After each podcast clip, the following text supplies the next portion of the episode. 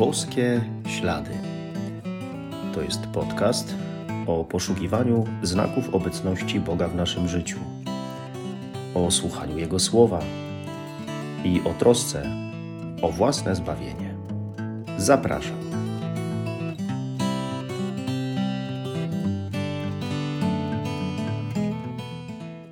Witam serdecznie, szczęść Boże. Tak sobie ostatnio myślałem, jakby to było dobrze, gdybyśmy w wyznawaniu naszej wiary byli tacy bardzo, bardzo konsekwentni. Jeśli Pan Bóg ma być na pierwszym miejscu, no to żeby rzeczywiście tak było, żeby to pokazać swoim życiem. Jeśli wypełnić przykazania, to z takim pełnym zaangażowaniem jak jakieś decyzje podjąć, no to zrobić to zgodnie z wiarą. A niestety nie tak rzadko brak nam konsekwencji w wyznawaniu naszej wiary. A potem też często jest tak, że brak tej konsekwencji jest powodem naszych grzechów. Niby wierzymy, jesteśmy wierzący, ale dopuszczamy do sytuacji, w których prezentujemy się tak, jakbyśmy nie wierzyli w Boga. Dajemy się czasem wyprowadzić na manowce, oszukać szatanowi, mimo że należymy do Chrystusa. Nie ma wystarczającej konsekwencji. Odpuszczamy w życiu wiarą, odpuszczamy w decyzjach. Raz pokazujemy życiem, że wierzymy, a za chwilę robimy coś, co świadczy o tym, jakbyśmy nie wierzyli. Ciągle potrzeba nam więcej i więcej konsekwencji w byciu wierzącymi w Boga, w życiu wiarą. Posłuchajmy słów Ewangelii według świętego Łukasza. Gdy niektórzy mówili o świątyni, że jest przyozdobiona pięknymi kamieniami i darami, Jezus powiedział: Przyjdzie czas, kiedy z tego, na co patrzycie, nie zostanie kamień na kamieniu, który by nie był zwalony. Zapytali go: Nauczycielu, kiedy to nastąpi? Jaki będzie znak, gdy to się dziać zacznie? Jezus odpowiedział: Strzeżcie się, żeby was nie zwiedziono. Wielu bowiem przyjdzie pod moim imieniem i będą mówić: To ja jestem oraz nadszedł czas.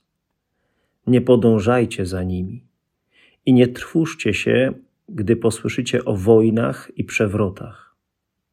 To najpierw musi się stać, ale nie zaraz nastąpi koniec. Wtedy mówił do nich: powstanie naród przeciw narodowi i królestwo przeciw królestwu. Wystąpią silne trzęsienia ziemi, a miejscami głód i zaraza. Ukażą się straszne zjawiska i wielkie znaki na niebie. Lecz przed tym wszystkim podniosą na was ręce i będą was prześladować. Wydadzą was do synagog i do więzień oraz z powodu mojego imienia wlec was będą przed królów i namiestników.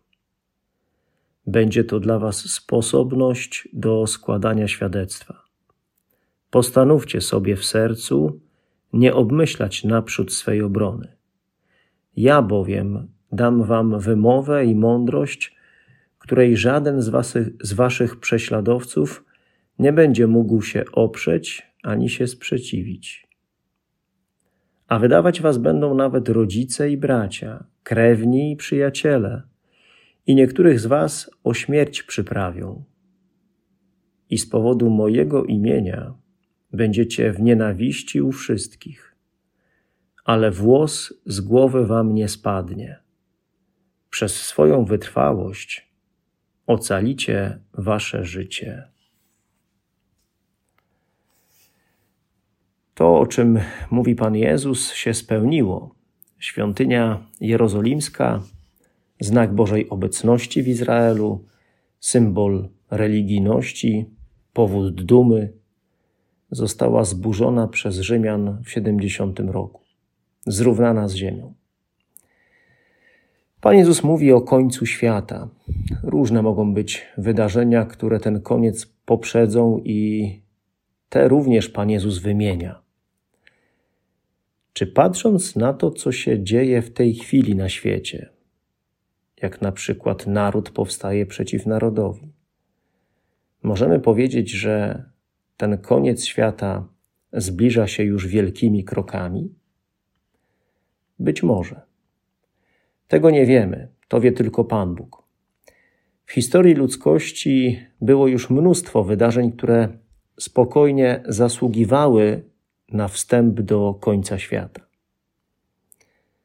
Czy zawsze, kiedy coś takiego się dzieje, Pan Bóg chce nam coś powiedzieć? Z pewnością tak. Czy zaraz po tym nastąpi koniec? Niekoniecznie.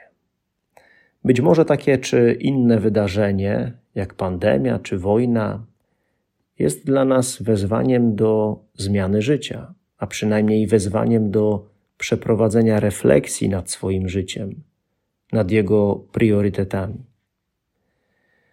Bo może te wydarzenia pokazują mi, że mam kolejną szansę na to, żeby się zmienić, opamiętać.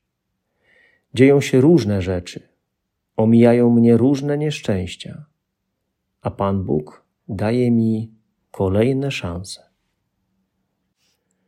I stąd nie tyle istotne jest to, co ja robię dla Boga, dla innych, ale o wiele ważniejsze jest to, co Bóg robi dla mnie. Albo mówiąc inaczej, zanim ja coś dobrego zrobię, to warto zobaczyć, ile dla mnie zrobił już Pan Bóg i ciągle robi, że właśnie dzięki temu mogę w ogóle, jestem w stanie cokolwiek dobrego zrobić. Otwórz oczy i zobacz na to, jak Pan Bóg jest cierpliwy i miłosierny, jak kochający Cię i nieustannie przebaczający, jak dbający o mój byt tu na ziemi i przygotowując mi mieszkanie w niebie i zapraszając mnie do Niego. A wszystko to czyni mimo mojej słabości, grzechu, który ciągle popełniam, do którego wracam. Czyni to wszystko, zanim w ogóle pomyślę. On się o mnie zatroszczył, zadbał o to, co zewnętrzne, a szczególnie o moje wnętrze.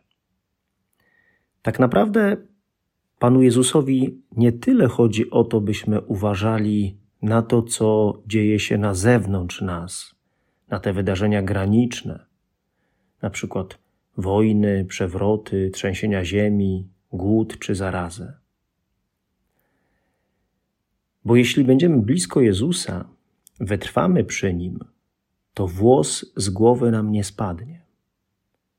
Tak naprawdę jeszcze bardziej chodzi o to, co dzieje się w moim wnętrzu.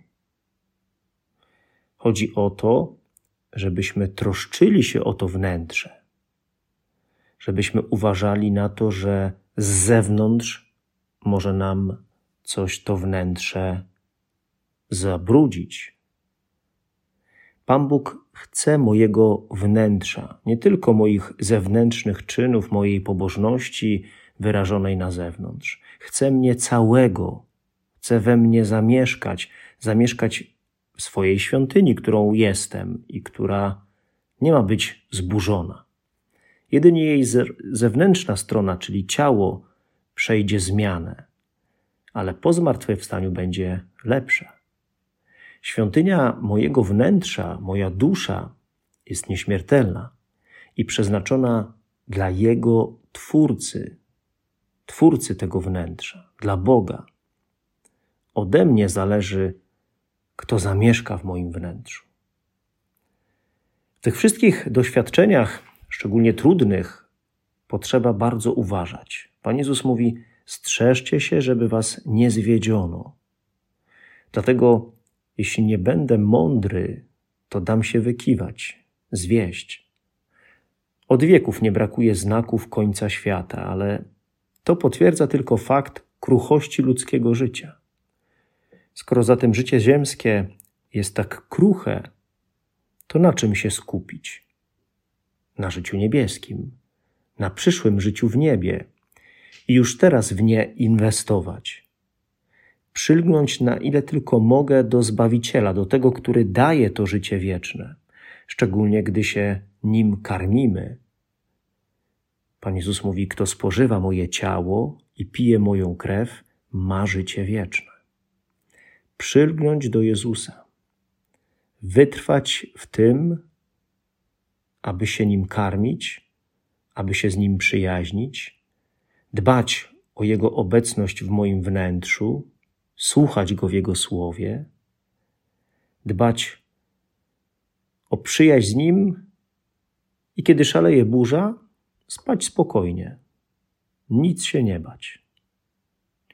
Jeśli uda mi się być wytrwałym w wierze, stałym, konsekwentnym, to nie ma żadnego zagrożenia. Nie mogę odpuszczać, dając raz przyzwolenie złemu duchowi, a raz Bogu. Muszę jeszcze mocniej zawalczyć o konsekwencje wyznawanej przeze mnie wiary. Nie odpuszczać. Jezus chce mnie od wszystkiego ocalić, będąc Panem mojego wnętrza, nie połowy, ale całego mnie. Zamieszkać z Bogiem w swoim wnętrzu.